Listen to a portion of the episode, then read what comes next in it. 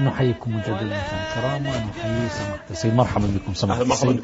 حياكم الله. سألتكم قبل الفاصل عن موقف الشيخ ابن تيمية من سند هذا الحديث الذي قطع الذهبي بصحته وغيره. نعم. بل قال أصح من حتى من حديث من كنت مولاه فهذا علي مولاه الذي هو أثبت تواتره في محل أحسنتم. نعم.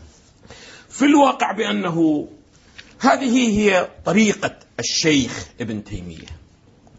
واقعا بودي أن المشاهد يلتفت جيدا. أولا يأتي في المرحلة الأولى يعني عند استراتيجية في كل النصوص والأحاديث التي تكلمت عن فضائل ومناقب علي وأهل البيت أولا يأتي ليحذفها ويذهب وينتقصها ماذا؟ سنديا. يقول لم تثبت موضوعة. وكم له نظير وإن شاء الله بعد ذلك سيأتي في مناقب علي روايات صحيحة ثابتة ومن حيث السند تامة وجيدة ولكن يقول ماذا؟ موضوعة نعم. ما هذه طريقة. ابتداء يقول ابتداء موضوعة وانتهت القضية وفي تصور أنه لا يراجع أحد هذا المعنى لأنه ثقة عمياء توجد بالشيخ ابن تيمية لأنه يعتبرونه شيخ الإسلام ونحن ذكرنا مرارا أننا نقبل أنه شيخ الإسلام ولكن ماذا شيخ الإسلام مع أنهم يأخذون علينا التقليد يقول أنتم المراجع ولا بودي أنهم تسألون. يراجعون ويذهبوا أنه الموارد التي ادعى فيها وسيأتي إن شاء الله أبحاثها لاحقا. المهم شيخ الإسلام في منهاج السنة المجلد السابع المجلد السابع بشكل واضح وصريح في صفحة 147 هكذا يقول.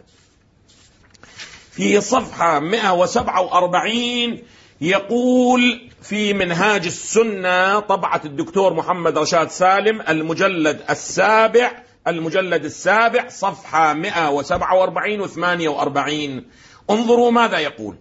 يقول وأهل العلم يعلمون يقينا أن النبي صلى الله عليه وآله قاله. قال ماذا؟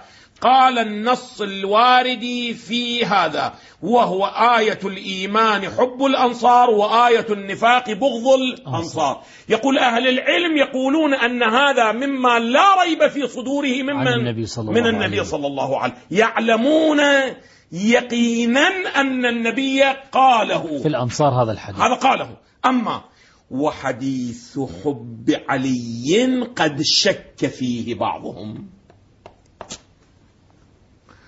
وعلى طريقته. هذه الطريقة التي لا أعلم أنه ماذا أعبر عنها إلا أنها طريقة الشياطين.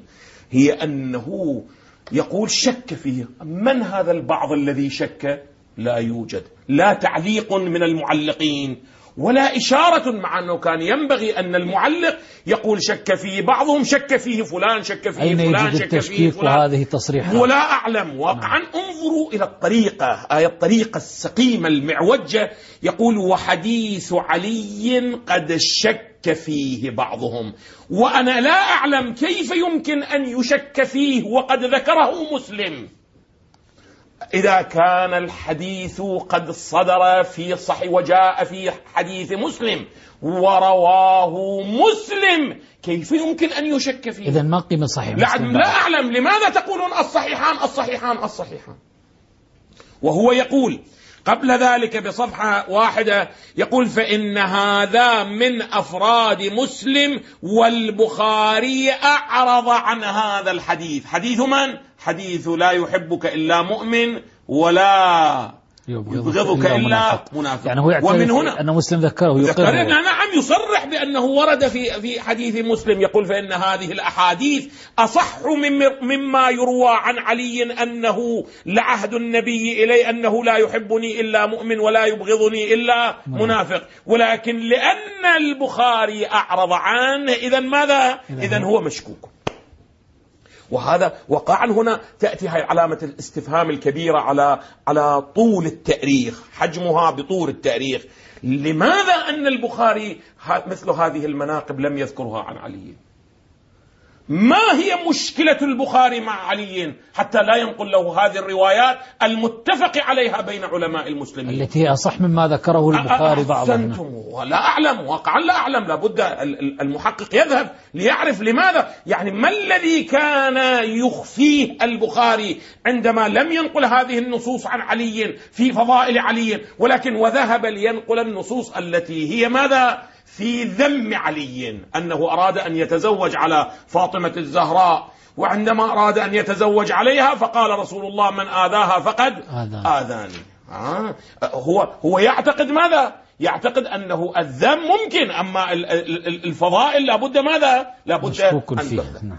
هذا هذا كلام ابن تيمية، اذا المرحلة الأولى عندما لا يستطيع أن يقول أن الحديث موضوع ماذا يفعل؟ يقول وحديث علي قد شك فيه بعضهم. يعني من حيث السند مو معلوم ثابت أو غير ثابت. ونحن قد قرأنا للمشاهد الكريم ماذا قال في فضائل الصحابة؟ أبو نعيم في الحلية قال متفق عليه وقد رواه جم غفير. هذا أولا.